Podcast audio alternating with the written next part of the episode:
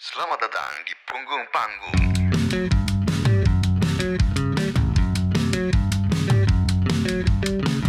Seperti edisi dua minggu lalu, kita akan membedah uh, karya dari dua narasumber, yaitu kali ini Iga dan Mas Rifki. Uh, kita akan mencoba untuk membuka lebih dalam, lebih in-depth, uh, mungkin tujuannya agar teman-teman mungkin yang suka lagu seringai atau baras suara akhirnya bisa memahami lebih dalam cakrawalanya lebih luas terhadap karya tersebut gitu. Mungkin gue nanya dulu kali ke Iga sama Ricky gitu. Sebenarnya ketika lo mengetahui sebuah karya itu dari perspektif belakangnya gitu ya, dari wawancaranya, dari pembedahan-pembedahan seperti ini, menurut lo seberapa penting sih lu mengetahui cerita-cerita di balik sebuah lagu gitu? Dari lu mungkin enggak? Gue pernah nonton salah satu seri dari DVD dulu namanya judulnya Classic Rock. Itu dari sudut pan. Jadi yang di dalam video itu adalah Butch Vig, dia adalah produser, dia personel garbage juga. Nah si Butch Vig ini dia ngejelasin soal albumnya Nirvana yang Nevermind. Dia ngebedah semua data audionya, dan dia cerita soal proses produksi di album Nevermind itu. Dan di situ gue bener-bener takjub dan bener-bener apa ya kayak amazed tentang hal-hal detail yang ada di dalam rekaman itu gitu. Kayak vokalnya Kurt Cobain kan akhirnya di play uh, secara apa ya secara solo gitu sendiri doang gitu. Jadi bener-bener tinggal misalkan lagu Ya Smells Like Teen Spirit gitu di, di style vokalnya doang. Terus kemudian dia naruh kayak doubling eh maksud gue dia ngerekam dua kali overdub untuk bikin efek double double dan lain-lain. Dan hal-hal kayak gitu sih sebenarnya yang yang kita suka untuk pendengar yang awam itu mungkin nggak terlalu merhatiin. Padahal hal-hal kecil kayak gitu yang bikin uh, keseluruhan gambarnya dan soundnya itu jadi seperti apa yang kita dengar sekarang. Dan itu menurut gue detail-detail yang sangat menarik, sangat apa ya, sangat insightful juga dengan apa namanya kalau dalam proses rekaman tuh kan ada istilahnya uh, metode ya metode metode si produser ini bagaimana dia mengcapture sound yang dia mau bagaimana dia mengcapture emosi si artisnya ketika dia nyanyi ketika dia main dan lain-lain. Ketika lo bisa denger itu di, di, di solo satu-satu gitu ya cuman drumnya doang cuman gitar doang cuman bassnya doang lo akan dapet lo akan dapet vibe yang yang aneh gitu, yang aneh dalam artinya anjir ini emang kayak orang yang main gitu, orang yang main dengan segala macam lo nggak pernah lo kalau udah kalau udah dipoles gitu kan kedengaran udah bagus gitu ya. Cuman ketika raw-nya main itu masih ada salah-salahnya, ada peletak-peletaknya gitu dan itu yang menurut hmm. uh, sensasinya kalau buat gue pribadi tuh kayak anjir nih aneh gini rasanya tapi kayak kayak intim tapi juga sangat teknis, sangat teknis terutama juga pasti. Cuman banyak banget hal-hal yang kita nggak nyangka kalau ternyata yang kita dengar gue kirain, oh ternyata gue kirain mainnya gitu doang. Oh ternyata, ah, misalnya gue dengernya kayaknya mainnya simpel deh. Karena ternyata di situ banyak layer-layer yang yang kita nggak pernah tahu kalau itu nggak hmm. dibuka. hal kayak gitu sangat insightful sih. Betul gimana Mas Rik? Iya, uh, setuju banget sih ya. Maksudnya uh, sebagai pencinta musik tuh untuk menikmati sebuah lagu tuh kadang-kadang nggak cuman asal eh, maksudnya kalau lu suka banget musik gitu ya lu kalau dengerin satu lagu tuh nggak cuman asal sekedar lewat gitu kan. Biasanya lu dengerin hmm. secara detail setiap instrumennya uh, bagi mungkin misalnya lu dengerin satu lagu misalnya katakanlah let's say Smashing Pumpkins misalnya gitu. Terus lu denger hari ini gue kok lagi pengen menikmati menikmati drumnya ya untuk lagu A gitu terus misalnya besok lu dengerin lagi atau berapa hari kemudian lu dengerin lagi lagu yang sama terus di hari itu lu mendengarkan lu lu ingin mengapresiasi uh, gitarnya gitu. Ya, sekarang yang gue ini gitarnya aduh gitarnya keren banget ya dia gini. Kalau gue sebagai pendengar musik kalau dengerin lagu tuh suka gitu gitu. Nah dan uh, karena itu jadinya penting proses gitu ya. Jadi sebuah lagu tuh nggak cuma asal hasil hasil akhirnya doang gitu. Bahwa proses menuju ke hasil akhir itu tuh sangat panjang sebenarnya dan sangat ribet kadang-kadang gitu ya. Dan dan apa ketika lu tahu uh, apa aja yang udah dilalui sampai itu lagu itu akhirnya mencapai titik finalnya itu itu sangat menarik gitu. Sangat menarik karena lu akhirnya tahu eh, apa namanya eh, approach-nya, pendekatannya dia, kenapa dia sampai akhirnya bisa memilih A untuk lagunya ini gitu, memilih gitarnya seperti ini, memilih bassnya seperti ini, itu membuat lo menjadi lebih dalam aja mengerti uh, mindset si artisnya gitu. Nah itu itu itu selalu menarik sih gitu ya. Mak- Maksudnya bahwa sebuah lagu itu sebenarnya kaya banget untuk lo bisa mengapresiasinya nggak cuma hasil akhirnya doang gitu. Dan itu Gue punya gue punya follow up follow up question. hmm, Eh, saat lo udah ada di zona kreatif gitu kan, lo kan hmm, di kalau maksud gue kalau lo nggak benar-benar dikasih deadline sama siapa pun yang mempengaruhi karir lo gitu kan, lo kan ada di fase di mana ini nih endless gitu kan. hmm. Kapan untuk Mas Riki dan Iga gitu, kapan lo ngerasa cukup? Ini nih kayak ini selesai gitu, kayak lo apakah pertama-tama lo selalu kayak nge-push terus sampai kayak lo polish apakah lo butuh waktu sampai kayak lo punya eh, kedewasaan itu sampai yang kayak oh ini nih ini saatnya karya gue udah selesai atau lo lo lo lo punya ini nggak apa namanya bisa share sama kita nggak kayak momen-momen di mana kayak oh ini lagu A ini udah kelar gitu Siapa dulu? ya Iga dulu. dulu deh Iga dulu Iga Ya. dulu Ket- Jadi kalau dalam songwriting, songwriting kalau gue itu selalu ada fasenya itu. Satu biasanya ada ada ada beberapa fase. Satu fase fase excitement. Itu ketika lo pertama kali nemuin lagunya. Gila anjing ini riff ini keren banget, nadanya tuh bagus banget. Anjing, wah, exciting tuh. Itu exciting proses jelas. Terus kedua, wah, ternyata ada yang kurang. Nah, itu baru proses di mana lo mulai nge-tweak aransemennya. Ketiga, biasanya proses mental breakdown. Ngepet, jelek banget ya.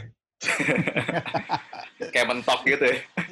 Mau diapain ya segala macam. insecure insecure gitu ya Ya, anjir mau ke mana bingung apa segala macam ya itu fase mental breakdown.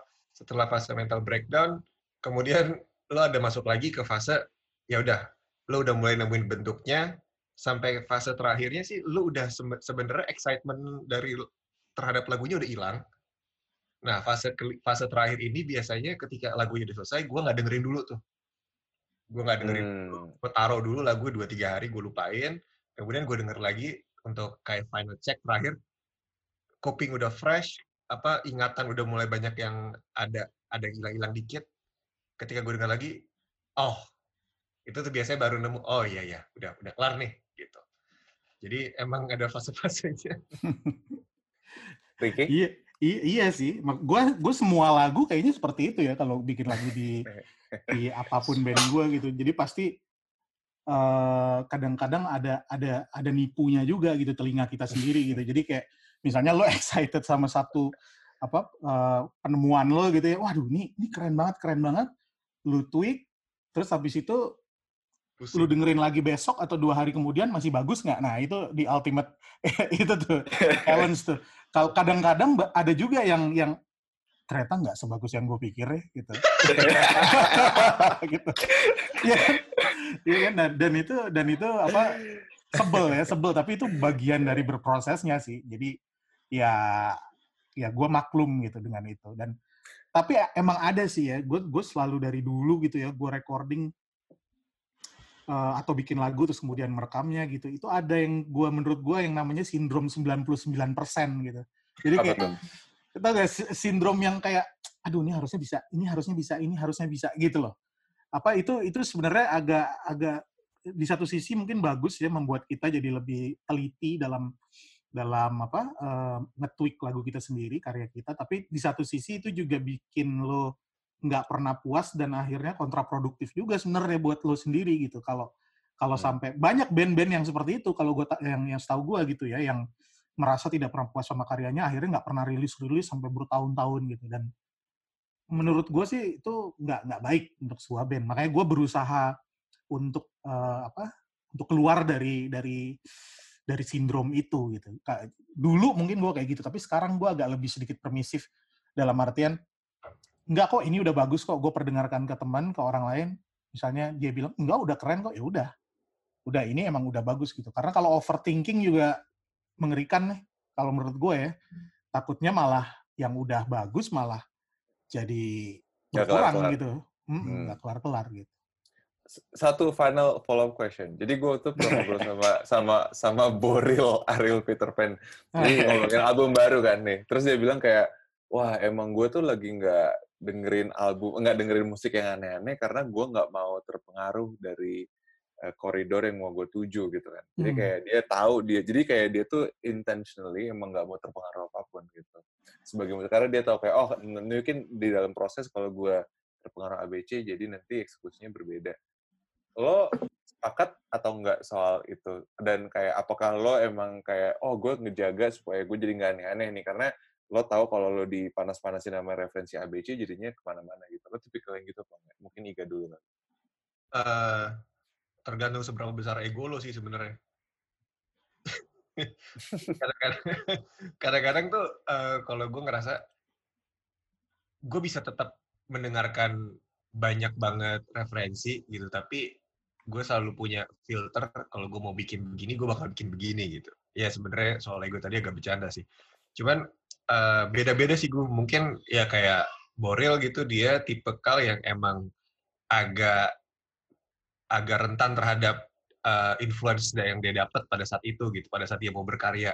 Cuman ada juga kalau orang yang kalau gue pribadi justru gue dengerin macam-macam supaya kuping gue fresh, malah gue seneng gitu dapat dapat dapat itu, dapat dapat pengaruh-pengaruh macam-macam itu, malah gue seneng, malah gue bisa bikin bisa punya ide approach macam-macam, walaupun memang nanti hasil akhirnya jadi aneh-aneh juga ya sok atuh, tapi ya namanya juga kalau lu bikin bikin lagu tuh kayak apa ya? Kayak main bongkar pasang mulu gitu. Gila-gilaan sih bongkar pasangnya kalau bara ya maksudnya.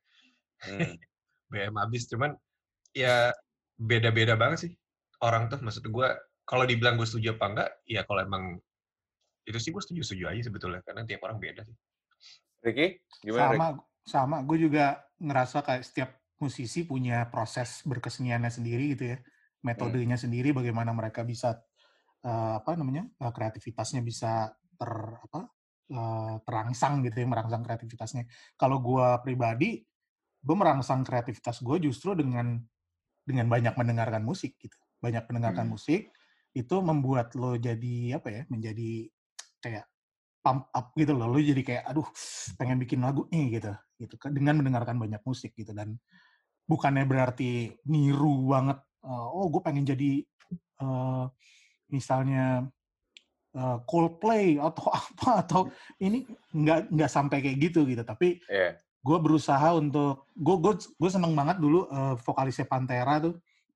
Si Phil Anselmo dia pernah eh, dia pernah bilang gitu. Dia pernah bilang di sebuah wawancara dia bilang eh, kalau lu mau nge-rip off eh, sebuah band gitu ya, bukan nge-rip off apa kayak lu mau meniru gitu sebuah band lu jangan cuma niru satu band idola lo lu tiru 10 band idola lo gitu dan itu akan menjadi sesuatu yang fresh gitu dan itu gue setuju jadi kayak Hmm. misalnya banyakan tuh kadang-kadang eh, wawasan yang terbatas itu yang membuat orang jadi copycat gitu. Jadi kayak misalnya eh, ada banyak beberapa band yang gue tahu ya, yang gue wawancara dulu bangga gitu kalau dibilang, oh ini lu kayak U2-nya Indonesia ya, oh ya gitu, gitu. Padahal, padahal eh, menurut gue kalau eh, sebenarnya akan lebih fresh kalau misalnya oke dia sukanya banyak ada U2, ada Duran Duran, ada Depeche Mode, ada ini, ada ini, ada ini.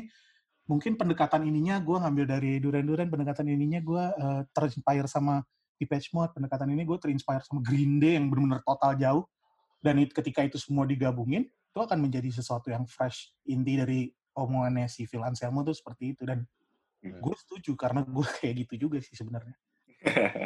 Insightful sekali. Eh, mungkin Pram, abis itu langsung buka ke ini aja ya, buka dapur lagu-lagu Ricky dan Iga gitu, Pram, aman? Boleh, boleh. Eh, by the way, kalau ada yang mau nanya di YouTube channelnya. Sounds from the Corner, boleh. Atau di Instagramnya Gor di Club juga. Udah ada Terus beberapa teman-teman ya. Ya, ada iya tadi ini Dimas bilang ada eh, shout out. Jadi sebelum kita masuk ada eh, teman-teman ada Hogi Wiryono, Mas Hogi dari Echos dari Future Ten. Halo. Ada Jangar Tarkam di IG-nya Gordi juga. Halo, apa kabar? Terima kasih sudah join. Eh, kita hari ini lagi ngerjain punggung panggung mau mengulik lagu-lagu eh, Iga dan Ricky.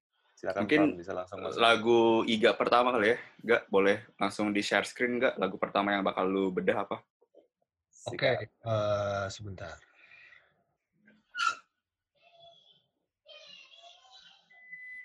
Ini lagunya.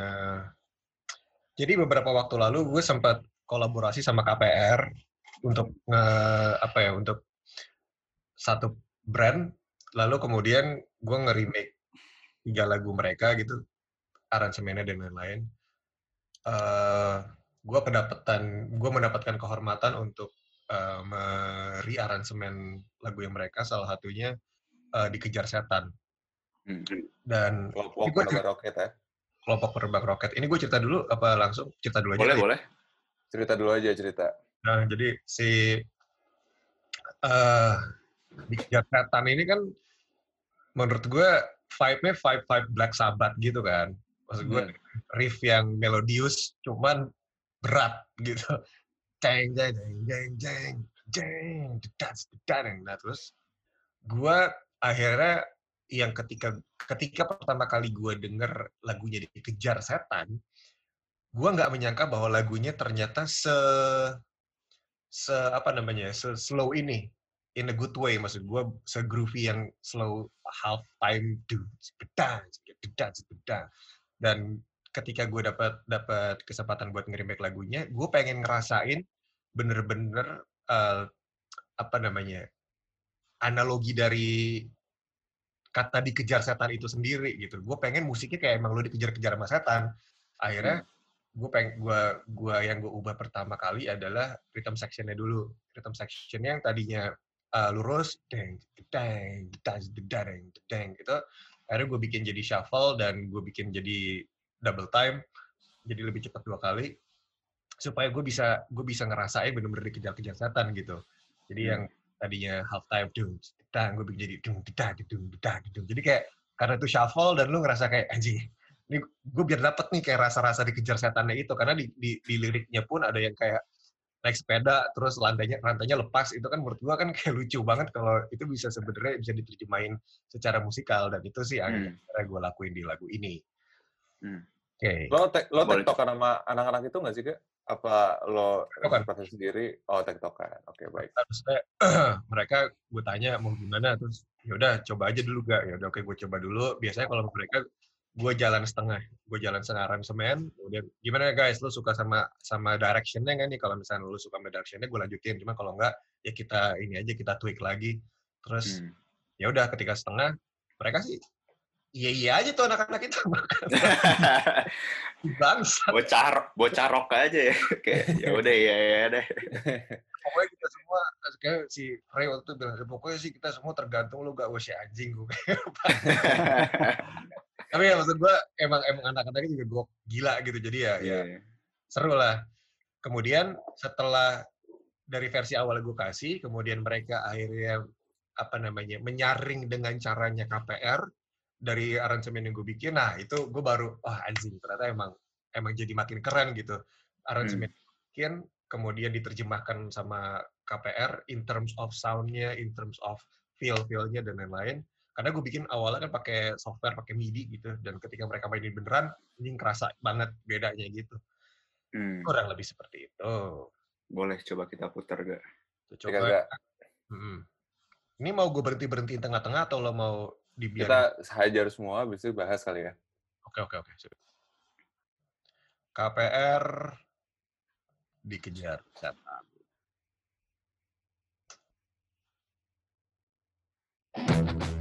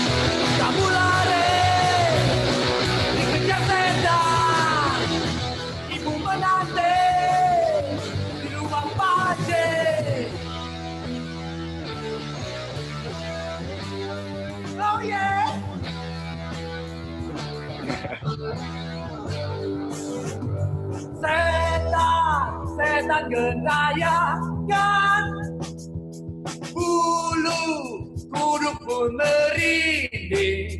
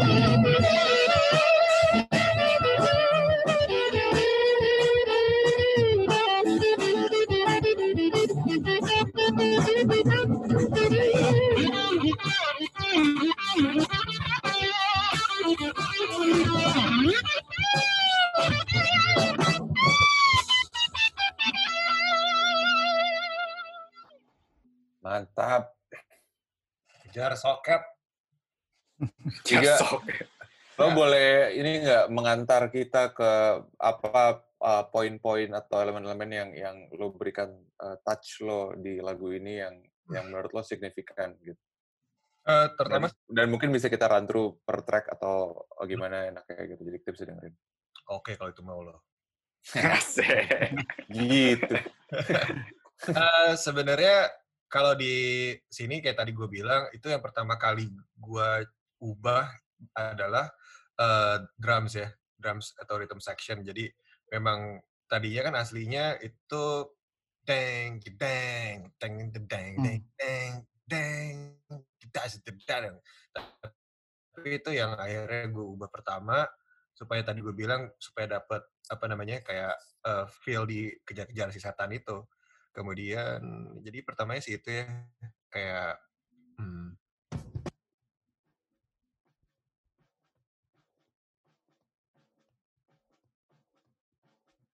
itu drumnya Vicky dan Vicky itu eh, dia bukan bu- dia di ini dia nggak main nggak main kenceng gitu ya tapi itu groove-nya menurut gua enak banget dan eh, salah satu referensi ketika gue bikin beat shuffle selalu baliknya ke theme Impala yang Eleven ya.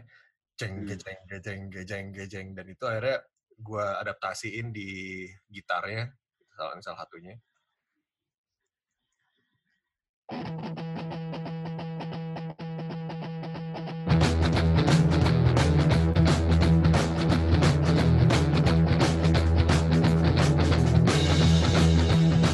Nah terus di di bagian ini gue pengen tetap gue pengen tetap apa namanya mempertahankan eh, si melodinya itu karena kalau gue bikin cuman eh, cuman waktu itu kan di, dari E ya, kalau cuman satu nada deng gedeng gedeng gedeng itu bakal boring. Jadi yang Hmm. gue serve di sini adalah eh, si melodi dari si, dikejar setan itu, yaitu melodi. Hmm.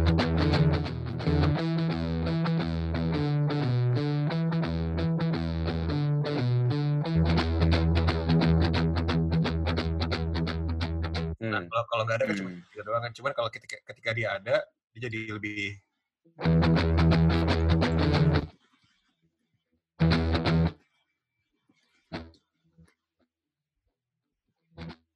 kayak di sini tuh lagunya crawling gitu loh. Kayak Iya. setannya belum lari, Setannya belum lari. si then di sini baru mereka semuanya. Hmm. Oh. Hari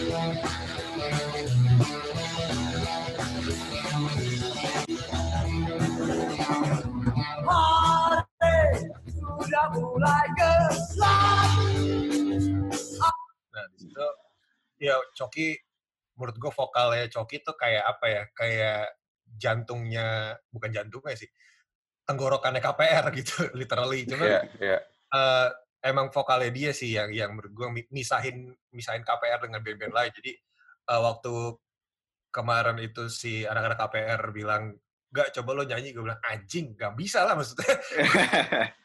Nggak mungkin karena ini lagunya tuh coki gitu dan nggak mungkin tiba-tiba gue yang nyanyi. Akhirnya adalah lagu gue apa suara gue di belakang-belakang itu nanti. Cuma dikit. Eh, terus eh nah di sini di sini eh gue masukin vibe-nya apa ya vibe-nya Queens of Stone Age yang six six six yang apa yang empat per empat kebut kebutan gitulah Hmm. di di chorusnya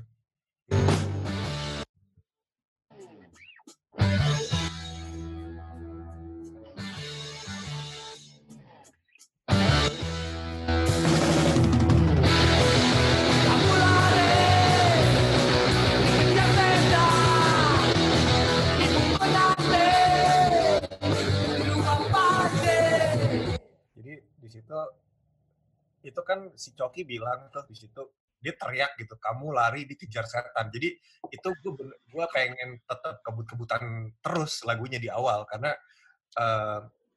gue gue pengen ngejaga vibe dari awalnya supaya mereka tetap emang anjing gue bener-bener ngerasa dikejar setan. Terus pas refnya bener-bener si Ray juga di situ dia eh, dia ngambil satu nada yang sebenarnya eh, itu nabrak nabrak dalam artian sama vokalnya Coki itu nadanya nabrak. Cuman itu bikin itu bikin apa ya bikin lagunya jadi iri gitu loh. Maksud gue kayak an- ada satu nada yang janggal cuman akhirnya dipertahankan karena eh, sama kalau lo ngomongin setan kayaknya lo butuh nada-nada yang agak disonan sih. Dan si si Ray Hmm. waktu itu di, di gitar itu.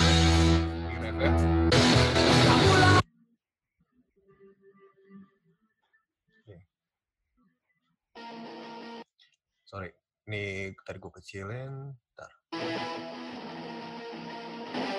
nah itu dia tuh Oh, iya. iya. kan lo ngerasa ada satu satu nada yang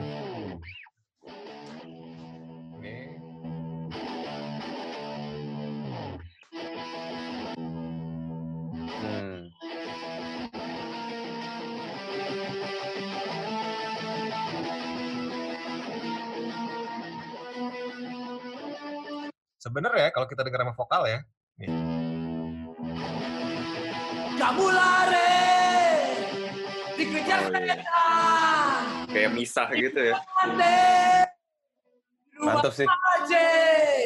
Sensasinya berbeda ya. ya gue bilang gue bilang sama Vicky Fake ini gue lupa nada pokoknya sebenarnya nadanya Coki itu mayor tapi si Ray itu ngambil minor kan dari situ clash jadi kayak disonan gitu suaranya gue bilang sama Vicky Fake Hmm. nabrak lo gimana terus "Eh, iya sih nabrak apa ntar gue kecilin aja cuman ternyata setelah gue denger lagi kayaknya emang justru karena dia nabrak itu tapi Ray juga mainnya full of attitude ya maksud gue full of attitude dan Coki juga full of attitude gitu jadi kayak malah seru karena itu nabrak tes di situ menurut gue setannya malah makin dapet gitu Hmm. Lo, nggak, gue punya follow up pertanyaan. Eh, Tadi kan dari tadi lo bilang kayak gue tuh mau menerjemahkan sensasi lirik si dikejar setan ini kan. Jadi lo ngambil eh, makna frase ini terus lo terjemahkan jadi eksekusi musiknya. Lo tuh gitu ya kalau nulis tuh kalau nulis lagu gitu kayak oh selalu mengawinkan makna yang lo tulis di lirik sama sensasi yang lo experience saat lo bikin aransemennya gitu. gue gue begitu sih gue lumayan gitu sih jadi karena eh, itu bakal jadi satu trivia trivia yang seru ketika lo sadar bahwa eh, eh, lirik dan musiknya tuh anjir ternyata oh ternyata dia begini ya ternyata dia kenapa dia naruh ini? Karena emang liriknya dikejar setan gitu. Kenapa dia oh Hmm. iya karena kerasa dikejar-kejar ya gitu. Dan itu ketika lo tahu itu jadi seru. Kayak salah satu lagunya eh, yang dimainin sama ini ini gue dapat gue dapat salah satu insight sih. Ini trivia juga sih. Kayak eh, si eh gue lupa lagi. Kayak nyanyi Haleluya Jeff Ah, Buckley. Buckley. Eh, Hmm. walaupun itu bukan lagu Jeff Buckley ya kalau nggak salah ya itu kan ada ada satu lirik yang di mana chord chordnya itu ngikutin liriknya na na na na Hmm.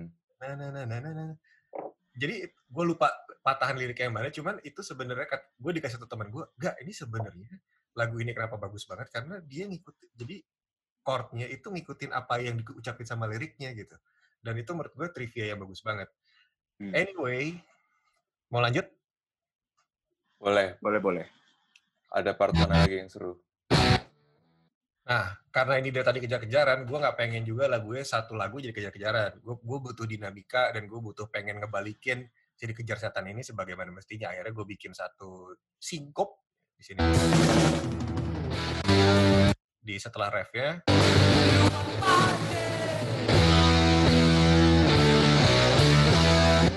Hmm. Oh yeah.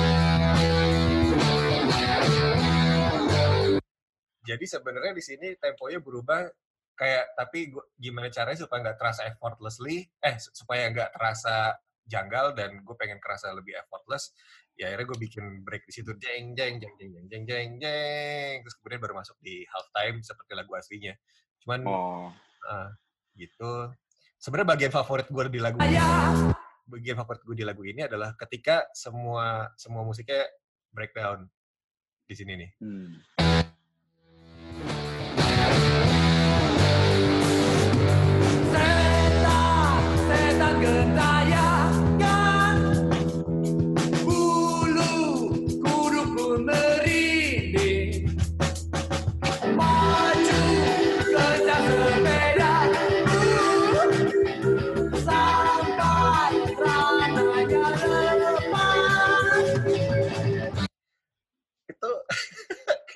Itu isian dari lu berarti Ga ya, yang tadi gitar.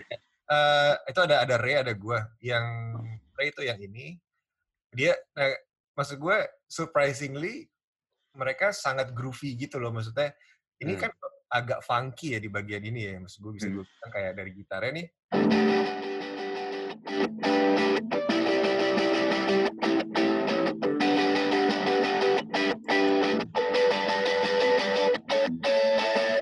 ya kan ini kayak kayak indie indie soft boy gitu sebenarnya Ini so.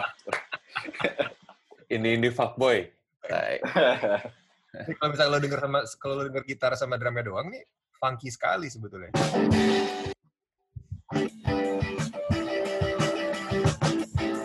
Iya benar. Kayak- And then si Coki menurut gue bass line-nya juga brilian di sini. Jadi ketika lu gabungin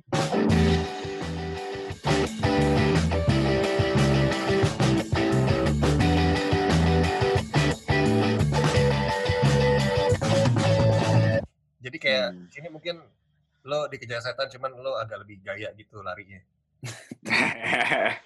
Nah, on Gua- top, Enggak, gue tadi mau mau agak eh, belok ke Mas Riki ada apakah ada komentar atau pertanyaan atau respon dari yang dijelaskan Iga Sofat?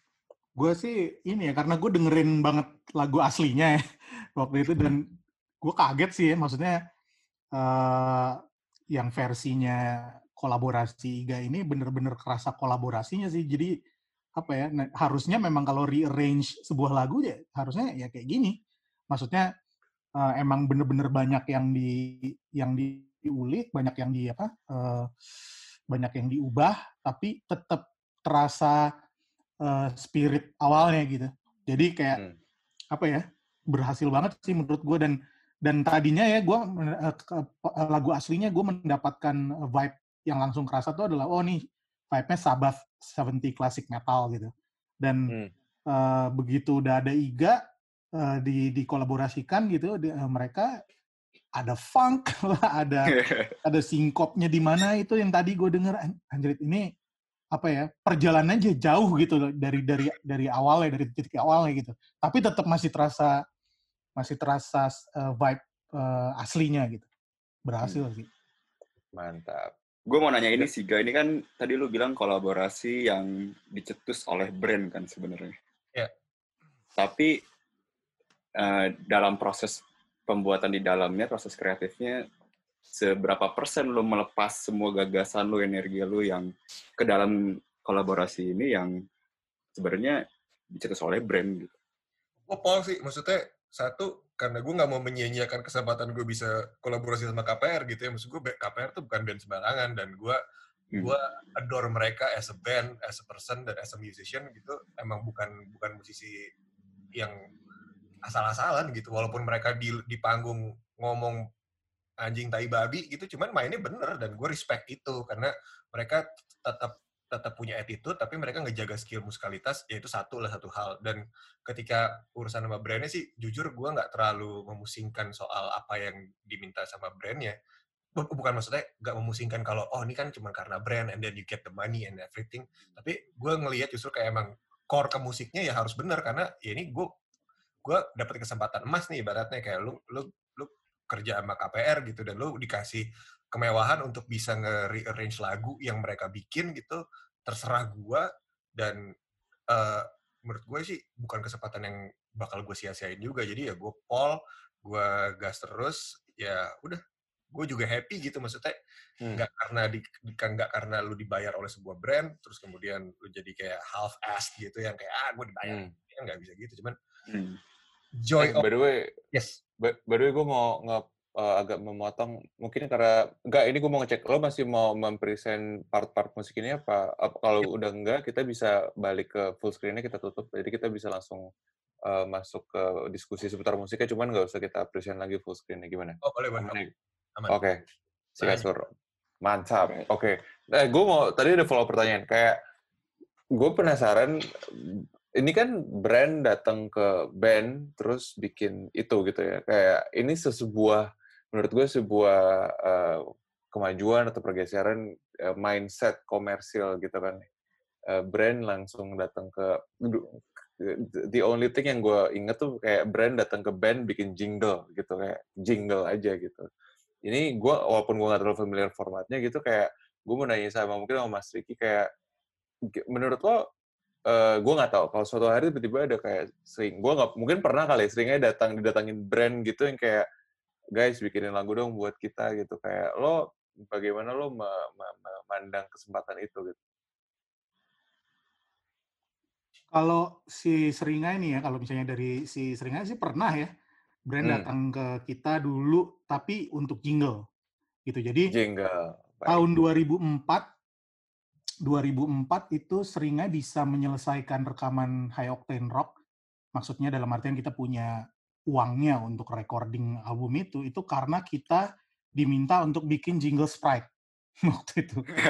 Jadi jadi eh, Sprite datang eh, pengen pengen bikin jingle tapi rock gitu. Dan akhirnya Seringai yang bikin kita yang bikin tapi waktu itu vokalnya nggak mungkin teriak-teriak ala Aryan gitu. Tapi eh, si eh, Lukman eh, Buluk Superglad yang yang yang nyanyi di situ. Terus eh, akhirnya jadi jadi inilah gitu ya jadi dipakai untuk jadi jingle Sprite di tahun 2004 cuma kalau untuk di eh, approach brand untuk membuat sebuah karya baru yang bukan jingle kita memang belum pernah sih. Memang Hmm, belum hmm. pernah. Jadi eh, senang juga tapi ngelihatnya ya kayak misalnya brand sekarang udah punya udah punya conscience itu untuk bisa eh, eh, apa ya untuk bisa berkolaborasi sama seniman atau sama musisi tanpa harus mendikte eh, karyanya harus seperti ini ya, harus ada Iya. sisi komersialnya yang ada KPI bla bla bla yang mau dituju, ah, nggak gitu gitu ya. Nah maksudnya gue ngelihatnya sih kalau gue denger dari hasil yang tadi, gue nggak tahu di backstory-nya seperti apa, tapi kalau gue denger hasil kolaborasi Iga sama KPR, gue nggak Iya. mendengar ada tujuan kayak, oh ini, ini jualan brand ini. masukin gitu. tag masukin tagline ini ya gitu. Iya gitu. IG Apa judulnya diganti jadi tidak dikejar kuota. Iya.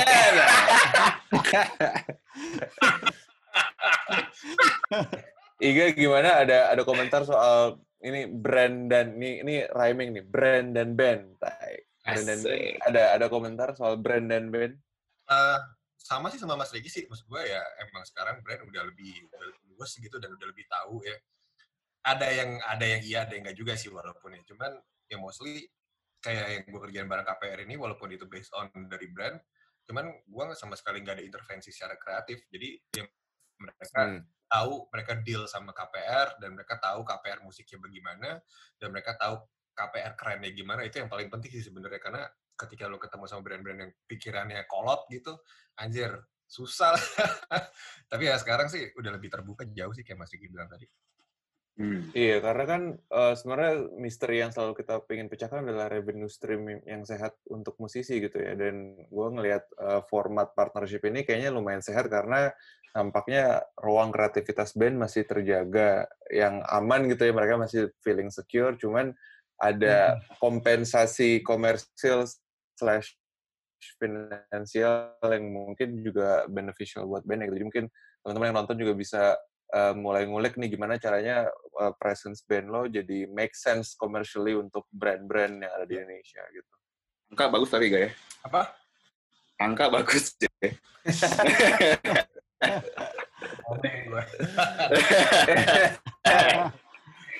Oke. Lanjut Pram. Lanjut kali ya. ke- Eh, tadi adalah lagu Dikejar Setan yang sebenarnya lagunya KPR tapi belakangan ini kolaborasi bareng sama Iga. Eh, mungkin kita lanjut ke lagunya Mas Riki kali. wah Mas Rik, Oke, lo mau nge-share lagu apa ke kita nih? gua pertama gue mau nge-share lagunya Seringai, Star Code yang featuring Danila. Oke. Cuman gue mau minta maaf dulu sebelumnya karena gue tidak memiliki file-file breakdown per instrumennya, per tracknya. Hmm. Jadi, Apa-apa Mas Riki. uh, oke.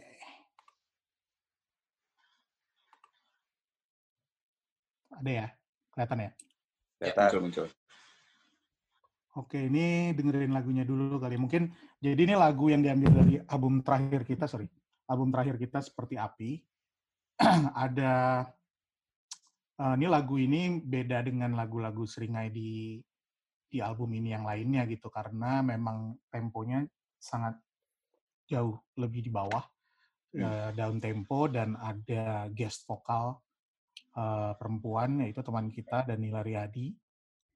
Eh, emang lagunya ini eh, kita bikin nuansanya waktu itu agak doomy gitu, agak doom. Eh, tapi tetap cantik gitu. Gue pengennya sih tetap cantik gitu ya. Jadi salah satu ini apa? Salah satu eh, style gue gitu ya. Gue tuh nggak tahu kenapa gue kayak selalu punya feminine side gitu kalau bikin kalau bikin riff gitar Wow. gue suka gue suka dengan eh, lick-lick yang ada keanggunannya gitu rasa anggunnya gitu Hmm. makanya gue suka indie pop juga banget gitu ya gue suka alternatif dan shoegaze dan eh, macam-macam musik gitu yang menurut gue memiliki eh, apa ya hawa anggun itu gitu jadi itu Hmm. yang mau coba gue gue tampilkan di Ishtar Code gitu kita dengerin ya Let's go.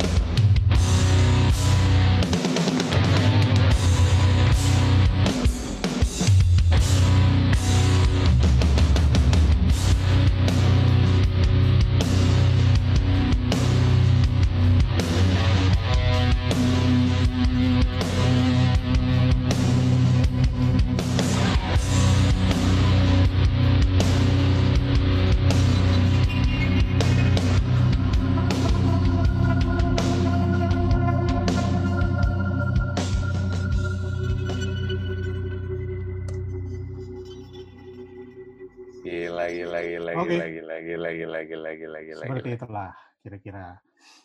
Rian cewek ya.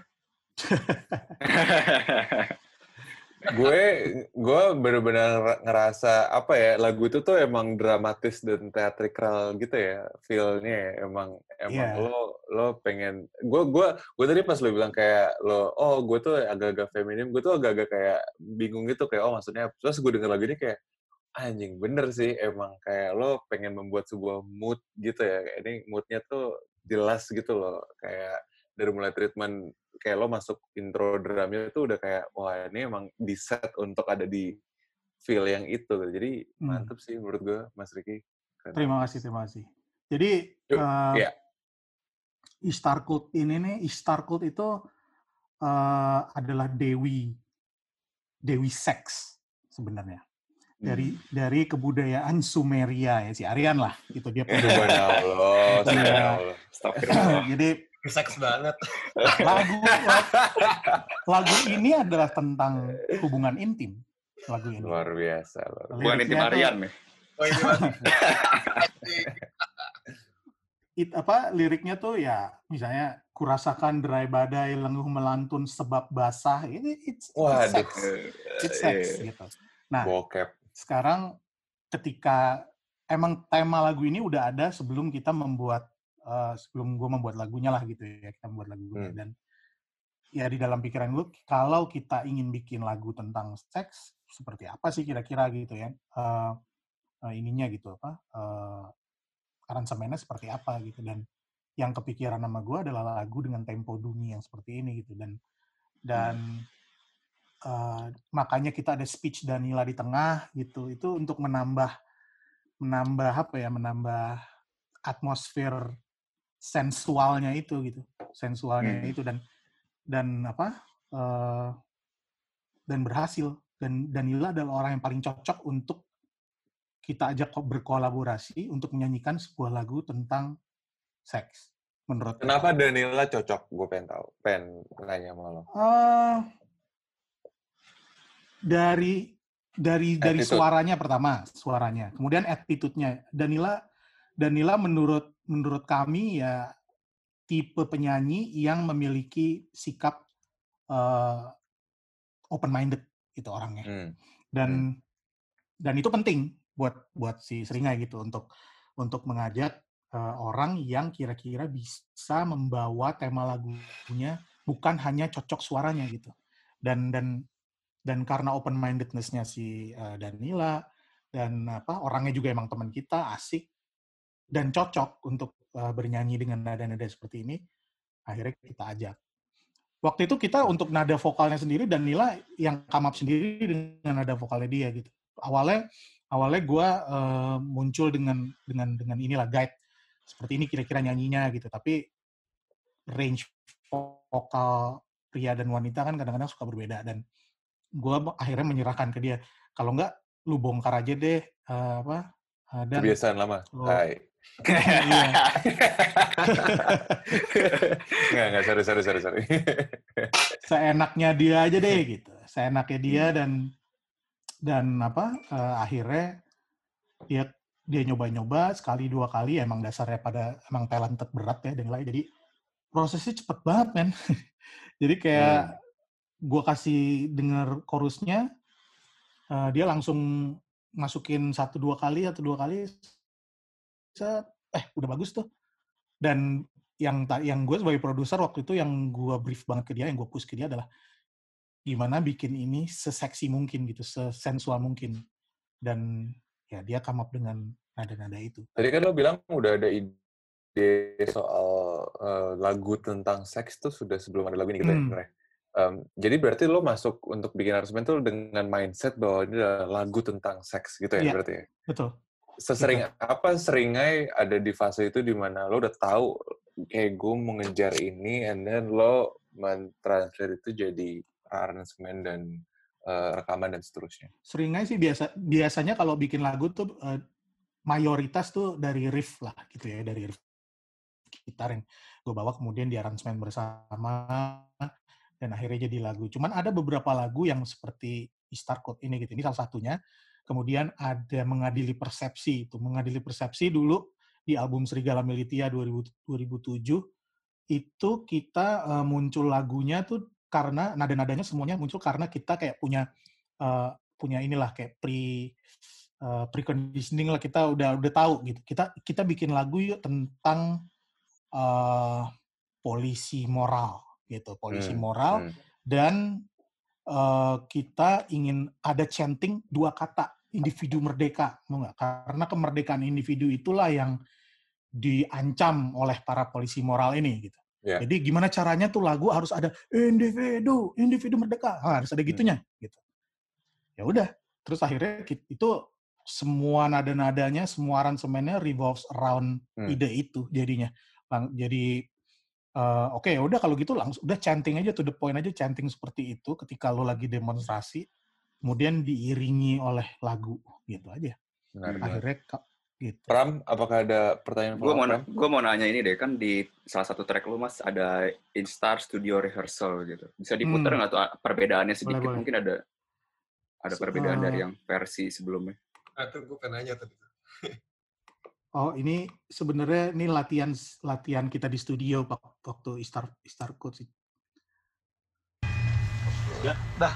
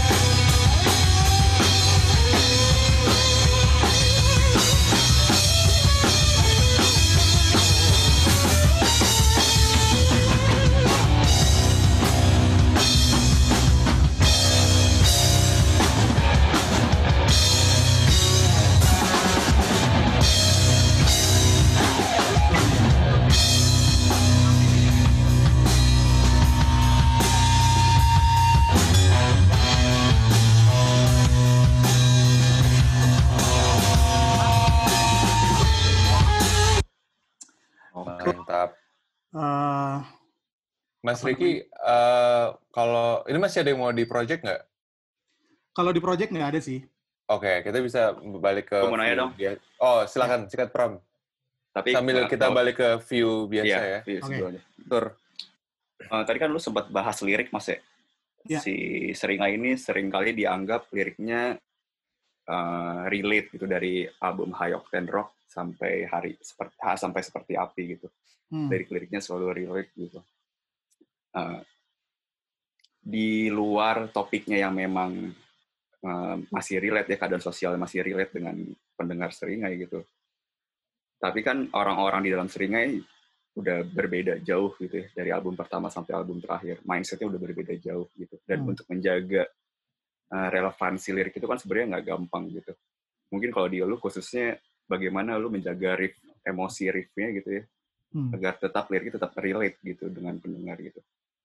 Gue penasaran bagaimana sih lu menjaga riff lo gitu dari high octane rock sampai seperti api, emosinya tuh masih semarah itu gitu sehingga liriknya masih relate ke semua orang sampai hari ini.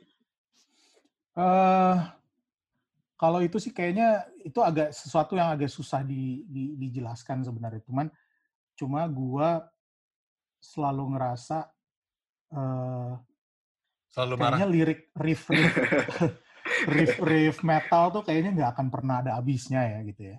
Dan dan Aryan selalu memiliki memiliki celah untuk selalu marah gitu Hmm. di, di karena karena kan lirik-lirik dia sebenarnya kan cuman foto atau eh, potret keadaan aja sebenarnya gitu yang terjadi di sekelilingnya jadi nggak mengada-ngada juga jadi kita mencoba seril mungkin di situnya dan dan somehow emang selalu selalu apa, selalu gue selalu bisa untuk menerjemahkan itu menjadi menjadi menjadi riff gitu tentunya Hmm. dengan mendengarkan banyak influence gitu ya dengan influence eh, dan mencoba untuk sedikit eh, berkembang tapi tetap pada tracknya gitu. Nah itu yang sebenarnya yang susah tuh adalah yang susah tuh adalah bagaimana gua ngerasa kalau gua nggak gini-gini aja itu sebenarnya yang susah, Nah, iya benar. iya kan? Hmm. Gitu dan dan gimana ya? Gua gua harus ini nih ya gua ya seringnya sebenarnya rilisannya nggak banyak baru empat album ya, tapi itu aja gue udah ngerasa kayak kalau ketika lo punya apa ya punya standar kalau album berikut lu harus lu harus upstage yourself gitu itu Hmm. itu challenge terbesarnya sebenarnya di situ sih gitu Hmm. Karena untuk memiliki riff yang marah dan sesuai dengan liriknya itu tidak sesulit berkembang gitu berkembang secara musikal maksudnya oh ini ini kita belum pernah nih melakukan yang seperti ini nih ini fresh loh ini ini Hmm. eh, apa eh, approach yang belum pernah kita lakukan itu sebenarnya ultimate challenge Pram Hmm. itu yang bikin orang suka suka writers block tuh itu gitu sebenarnya Ini Bagi- ada Eh, sorry. Eh, ini ada ada pertanyaan sebenarnya tadi udah lumayan eh, nyangkut. Cuman ini jadi segue yang eh, perfect gitu menurut gue. Dari Iqbal Maulana. Mungkin gue mau Hmm. nanya sama Iga dan Mas Riki. Mau tanya dong buat Bang Iga dan Bang Riki, tolong jawab. Pernah atau sering nggak sih ketika menciptakan sebuah riff gitar, ada kekhawatiran riff yang kalian ciptakan itu sudah diciptakan oleh musisi lain? Gue mau nanya Iga dulu deh.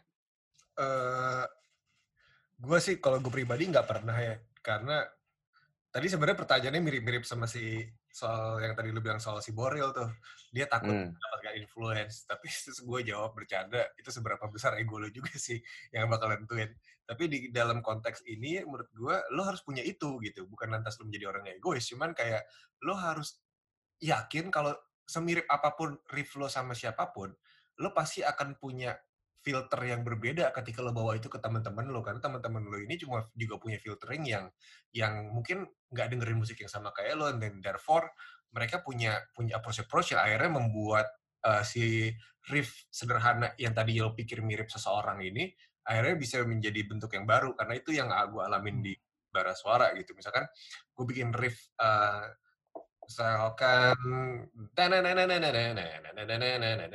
terus gue mungkin itu mirip satu lagu yang entah apa gitu tapi ketika itu kemudian dibungkus dengan dengan drumsnya Marco dengan bassnya Gerald dan lain-lain ya itu sudah menjadi lagu yang bener-bener otentik sendiri gitu dia punya warna sendiri. Dan gua rasa setiap band itu akhirnya punya juga gitu. Mungkin Mas Riki ngerasain juga kali ketika ngerasa riff lagu yang ini kayak mirip apa terus kemudian dibawa ke anak-anak aja ternyata nggak mirip ya gitu. Maksud gue Hmm. Suka suka kayak band tuh band sih menurut gue punya filter juga sih band, band tuh punya filter masing-masing karena eh, apa pun yang masuk misalkan apa pun yang masuk ke kelompok penerbang roket kayak tadi gue bilang maksudnya gue bikin jadi funk, jadi apa segala macam, ya tetap jadi kelompok penerbang roket, nggak jadi band funk, nggak gitu. Hmm. Ya funknya KPR. Nah maksud gue Hmm. ada itunya. Jadi ketik maksud gue pertanyaan Iqbal tadi, apakah ada kekhawatiran? Menurut gue kekhawatiran itu sebetulnya bakalan luntur ketika lo gabungin semua semua approach musikal dari teman-teman lo yang ada gitu. Dan itu teman-teman lo ini mungkin gini kayak gue dengerin Black Rebel Motorcycle Club cuman kalau gue tanya ke Marco Marco don't give a shit about band itu karena dia nggak tahu juga. Kan dia nggak suka cuman dia nggak tahu lo ngomongin apa sih gak gitu. Ya tapi itu jadi fresh ketika gue mencoba untuk Ya. untuk translate ide Black Rebel dengan approach-nya produsernya Raisa itu kan kocak Iya, iya. jadi tapi yang baru maksud gue itu Oke, Ricky? Iya sih. eh, kalau di awal sih ada, ada kekhawatiran itu ada. Eh, ketika lo bikin riff terus tiba-tiba, eh, kok kayak gue pernah denger riff ini di mana ya? Nah itu tuh yang sering terjadi tuh itu. yang paling sering terjadi itu, gue pernah denger di mana ini ya gitu. Dan ternyata ketika gue bawa ke anak-anak, eh ini lagu itu tuh mirip sama lagu ini. Oh iya. ada, ada, ada alam bawah sadar lo yang bisa melakukan iya, itu. iya. Jadi kadang-kadang gue juga bisa paham gitu kalau musisi kadang-kadang, eh kok riff eh, ini mirip ini ya gitu. Tapi kadang-kadang belum tentu musisinya secara sadar melakukan itu gitu. Kayak misalnya, apakah hash pipe-nya Wizard niru eh, God Bless? Nggak mungkin, nggak mungkin gitu kan. Gitu, tapi Iya, iya, bener-bener. tapi ya mungkin memang terjadi saja dengan sendirinya gitu. Jadi sebenarnya hal-hal yang kayak gitu-gitu nggak terlalu gua pusingin sih. Jadi lebih ke Iya. kalau memang ternyata mirip, oke kita coba ubah sedikit supaya tidak Hmm. mirip. Tapi kalau enggak juga dengan adanya drumnya dari si Kemot yang begini stylenya dia, si bassisnya gimana, akhirnya jadi sesuatu yang totally different gitu dan dan Especially di disiplin musik metal tuh riff driven banget gitu kan. Jadi Iya, kalau mencemplung ke dunia itu ada jutaan riffs yang sudah ada di sana di dunia itu udah Iya. tercipta gitu. Jadi possibility untuk mirip-mirip tuh mungkin sering banget gitu. Apalagi lo dengerin banget dan lo ngulik gitu. Iya. Jadi Walaupun gue tetap suka ya, gue tetap suka dengan sikap eh, seniman yang ah nggak mau mirip ah, gue pengen beda ah, gue pengen Iya. itu tuh gue selalu suka, gue selalu appreciate eh, orang yang punya sikap itu gitu. Walaupun itu, Hmm. tapi kalau ternyata terjadi juga ya gue nggak akan menghakimi. Tapi kayaknya sekarang gitaris gitaris tuh justru bahkan kalau misalkan ciptain lagu gitu kayak wah ini Ricky banget nih, wah ini Iga banget nih gitu masih sekarang. Udah mau ke tahap sana gitu. Emang lo pernah denger lo juga. pernah denger lagu lokal yang kayak anjing ini gue banget nih gitu nggak? ego gue enggak Ada lah beberapa gue kayak Iya. ngobrol sama lu Mas Rick. Oh, itu nggak usah lah. Nggak, gue gue gue sempat berpikir kayak gitu, tapi kadang-kadang gue suka mikir lagi, gue aja masih apa niru sama siapa gitu kan misalnya. Jadi ya nggak Hmm. apa-apa lah gitu. banyak orang yang bilang sih biasanya daripada kita yang ngerasa ya. Hmm. Iya, iya. Banyak gak yang lapor kalau lu? Enggak, ini mirip Lo lu. gitu. lapor.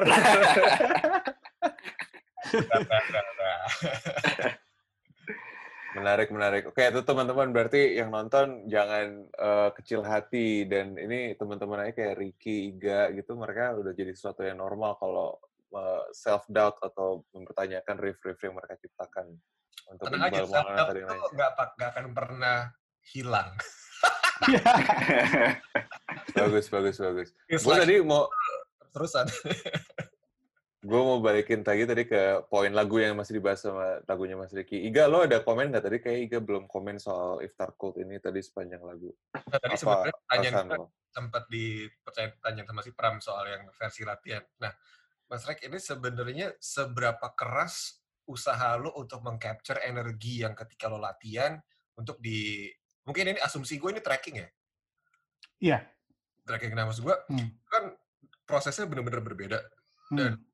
Eh, seberapa jauh sih lo nge-push eh, hasil rekaman ini supaya energinya tuh tetap berasa dan metode apa yang lo lakuin untuk mencapai itu Kalau hampir sebenarnya hampir semua lagu Seringai itu selalu eh, paradigmanya tuh kalau lagi dibikin atau direkam itu emang bagaimana caranya ini tidak terlalu berbeda jauh ketika kita kalau eh, kita bawakan saat live gitu. Jadi jadi semua yang gua record itu kal- harus memiliki spirit live itu gitu dan dan bagaimana caranya adalah menurut gue sih nggak terlalu ini ya karena seringnya itu memang cuma empat instrumen jadi gua tuh lebih untuk untuk yang album baru gue sekarang lebih lebih lebih berani untuk terdengar kosong dibanding gue ngisi feel gitar. Karena gue tahu kalau gue isi feel gitar kebanyakan itu tidak akan bisa direplicate ketika live gitu karena cuma empat orang gitu. Penyakit banget tuh penyakit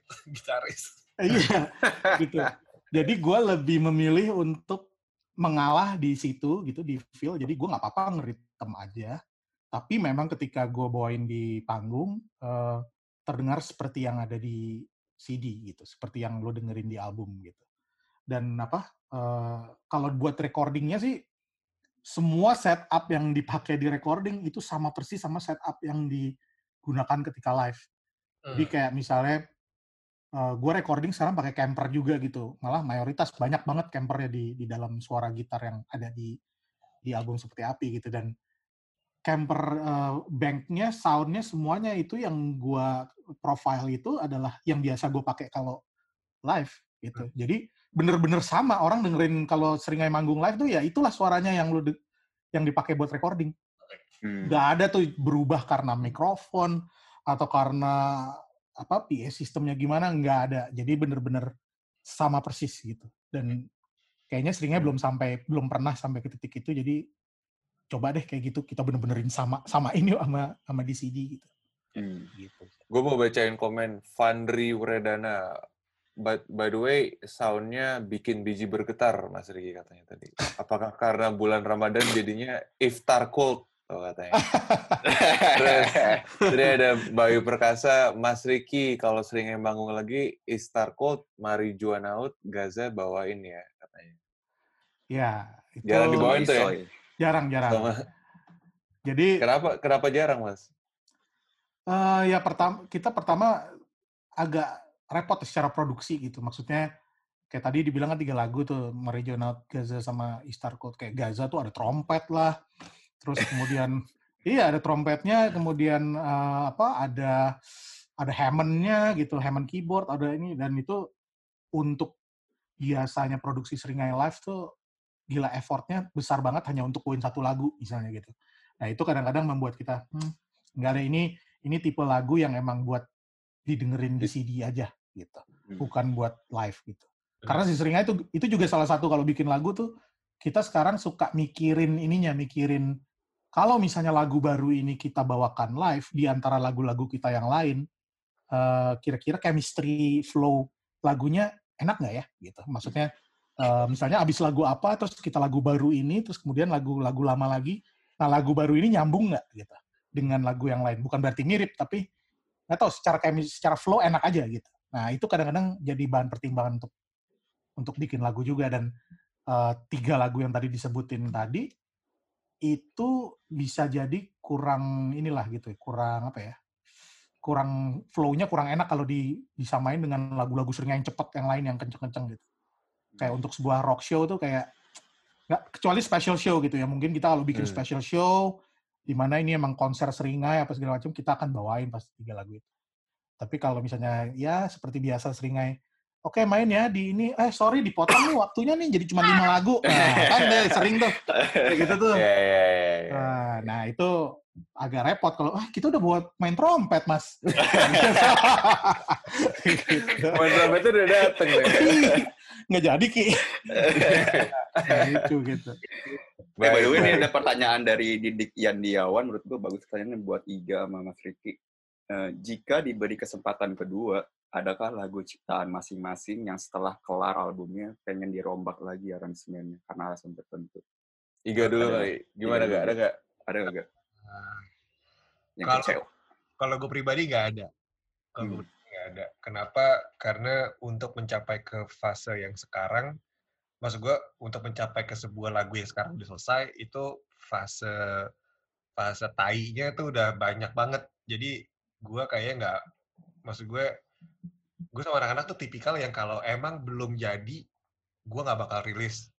makanya Hmm. bikin albumnya lama gitu dan ketika itu jadi berarti emang itu udah jadi udah kelar kita nggak bakal sentuh-sentuh apa-apa lagi gitu karena kalau gue pribadi juga tipikal orang yang bisa banget nih udah masuk mixing terus kemudian lagunya gue rombak karena gue ngerasa eh, vokalnya terlalu rendah atau terlalu tinggi jadi jadi kunci dasarnya diubah lagi gitu itu bisa Hmm. begitu bisa se tai itulah jadi kayak gue ngerasa ketika itu udah selesai ya udah gitu. Mas Rik. Kalau gua eh ada tapi tidak sampai bikin gua nggak bisa tidur juga sih. Jadi kayak misalnya ya gitu. Jadi eh maksudnya gua bisa menerima kalau misalnya misalnya gini kayak misalnya gua mendengarkan album High Octane Rock di 2020 itu karena itu di- dibuat di tahun 2004 di mana seringnya itu itu lagu-lagu dibikin di tahun 2002 di mana kita masih bikin lagu tuh nggak pakai mikir. Semuanya spontan. Semuanya udah karena belum pernah ada juga menurut kami yang kayak gitu musiknya gitu ya. Jadi ya udah sekeluarnya aja deh kayak gini nih ekspresi kita kalau gabung berempat ini ya kayak gitu. Nggak pakai pikir oh ini bagusnya diapain diapain. Enggak itu sama sekali enggak jadi mentah banget sebenarnya High Octane Rock itu gitu Hmm. Kadang-kadang kalau gue dengerin di 2020 kayak misalnya gue dengerin lagu alkohol gitu di di High Octane Rock tuh kayaknya Nah, gua- menahan menahan apa gitu ya. Iya. gitu ada gitu ada gitunya gitu. ada aduh ini coba sebenarnya bisa sih diginiin diginiin tapi balik lagi gue suka berpikir nggak apa-apa lah album itu juga kan potret zaman juga gitu ya itu dia. di tahun Dan 2000 itu juga menunjukkan bahwa lo grow up nggak sih as a person kayak karena kalau dengerin sesuatu di zaman dulu kayak lo punya opini terhadap itu berarti kayak lo ada perjalanan yang berubah value tentang diri lo juga kan gitu. Iya, banget banget. Itu kan gue juga menyadari itu bahwa karena gue udah sekarang udah mikirin segala sesuatunya, gue jadi produser, apa terus jadinya kayak gue berusaha jadi technical gitu mikirnya "Eh, ini harusnya gini nih harusnya gini. Kadang-kadang gue yang ngapain sih berpikir kayak gitu gitu. Hmm. Udahlah gitu, biarin lah ini emang potret lo ketika lo umur segini ya begini lo gitu. Gue bisa menerima itu juga pada akhirnya. Ini ada Oke. pertanyaan selipan yang menarik nih kali Sariboy. Bang Ricky pan, Bang Ricky panjang kabel jack yang biasa Bang Ricky pakai berapa meter? kalau sedang nggak pakai wireless. Kadang kan kalau lagi festival sinyal wireless bisa aja nggak aman. Bang Ricky akomodirnya gimana bang? Gitu pertanyaannya. Ini si Adnan. Kabel. Iya kayaknya nih. Adnan Kabel gimana kabel? kabel kabel ah gue nggak mikir ini itu ya 20 meter sih biasanya tergantung panggungnya ya cuman cuman kalau udah pakai kabel udah pasti aman lah udah pasti bagus lah gitu Iya, iya. iya. bener ya Iya, Ya, lu pakai ada kabel masukan nggak? kabel nggak? kenapa kalau kabel sih gini kalau semakin panjang kabel lo cek anjing jadi teknis banget nih cuman jadi geek banget nih geek banget. Eh, pokoknya intinya gini gampangnya kalau ke- ke kabel lo panjang banget itu pasti sinyal gitar lo akan degradasi. Pasti. Lo mesti ngakalin pakai alat namanya buffer. Udah itu aja. Sampai di situ aja. Oh, Hmm. sampai di situ saja. Oke, baik. panjangan gue bisa out of control. Kalau panjangnya di YouTube channelnya Iga ya. iya. Yo, Oke, Oke, kita lanjut ini- berikutnya ya. Apa ada Yoi. pertanyaan lagi? Istar Cult ada komentar eh, Ricky atau Iga atau ada yang mau ditambahin, ada yang mau ditanyain, silakan sebelum kita masuk ke lagu Iga Eh, berikutnya. kalau gue mungkin gue buka rahasia sedikit Wis, eh, mantap. itu itu kan lagu di mana Aryan nyanyi ya gitu maksudnya 99 persen 99 persen lagu seringnya itu Aryan nggak bisa dibilang bernyanyi tapi lebih berteriak lah gitu. Nah di sini dia bernyanyi dengan nada seperti itu itu kenapa bisa seperti itu? Nada vokalnya itu karena gue terus terang waktu itu karena ini ya tadi balik lagi tadi tentang seks gitu eh, gue mengambil influence-influence yang gue suka yang menurut gue memiliki hawa sensual. Satu itu adalah gue ingin banget, gue suka banget Type O Negatif ada ada band namanya Type O Negatif. Vokalisnya Pete Steele itu kalau nyanyi itu selalu dengan nada vokal yang berat dan rendah, oh, seperti itu. Dan apa? eh, dan dia banyak tema-tema lagunya tentang seks. Nah, gue ambil eh, apa influence dari situ yang gue gabungin dengan uh, gaya bernyanyi monotonnya uh, vokalisnya Electric Wizard gitu. Electric Wizard ada band Stoner. uh, ya band stoner doom gitu. Uh, dia dia ngambil temanya tuh selalu yang pakai apa yang vokal itu pakai slap delay biar kayak terdengar kayak tahun 70-an 60-an. Uh, terus nadanya tuh selalu monoton sebenarnya. Na na na na na na na na na na cuman satu aja nadanya. Nah, itu gimana caranya gue menggabungkan Pete Steele sama Electric Wizard dan akhirnya jadi jadi Aryan yang bernyanyi di Istar Code gitu. Berapa Yang lama Aryan rekaman bernyanyi seperti itu? Cepat sih, cepat sih. Eh, apa surprisingly dulu dia lama banget gitu ya kalau apa recording vokal. Tapi di album seperti Api karena kita workshopnya intensifnya gila-gilaan eh, dan semuanya udah terkonsep dengan rapi, jadinya yang dulunya satu shift tuh bisa dua lagu doang paling banyak atau satu lagu atau dua lagu, sekarang empat shift sebelas lagu. Jadi Hmm, Wow. apa ya, cepet lah gitu, cepet. Gitu sih. Oke. Itu aja sih mungkin. Mantap. Oke. Iga, sudah siap lanjut ke lagu berikutnya, Ga? Oke, sebentar, sebentar. Gue buka dulu. Eh, Teman-teman, by the way, terima kasih sudah ada beberapa yang ini se- se- se- sembari Iga nyiapin, ada beberapa tadi yang sudah mendonasikan SFTC, membuka donasi seikhlasnya via Saweria dan Karya Karsa. Tadi ada Mas Toyor, katanya cepat balik normal dan brutal, 15.000 perak. Terima kasih. Lalu Hmm. yang kemarin ada Maul M4UL. Mau lagi nih. Terus 25 ribu masuk, mantep ngap katanya. Mantep bro. Banyak duit banget nih kayak Maul. Maul kebanyakan duit. Terus terus donasi terus ke kita. Terima kasih banyak.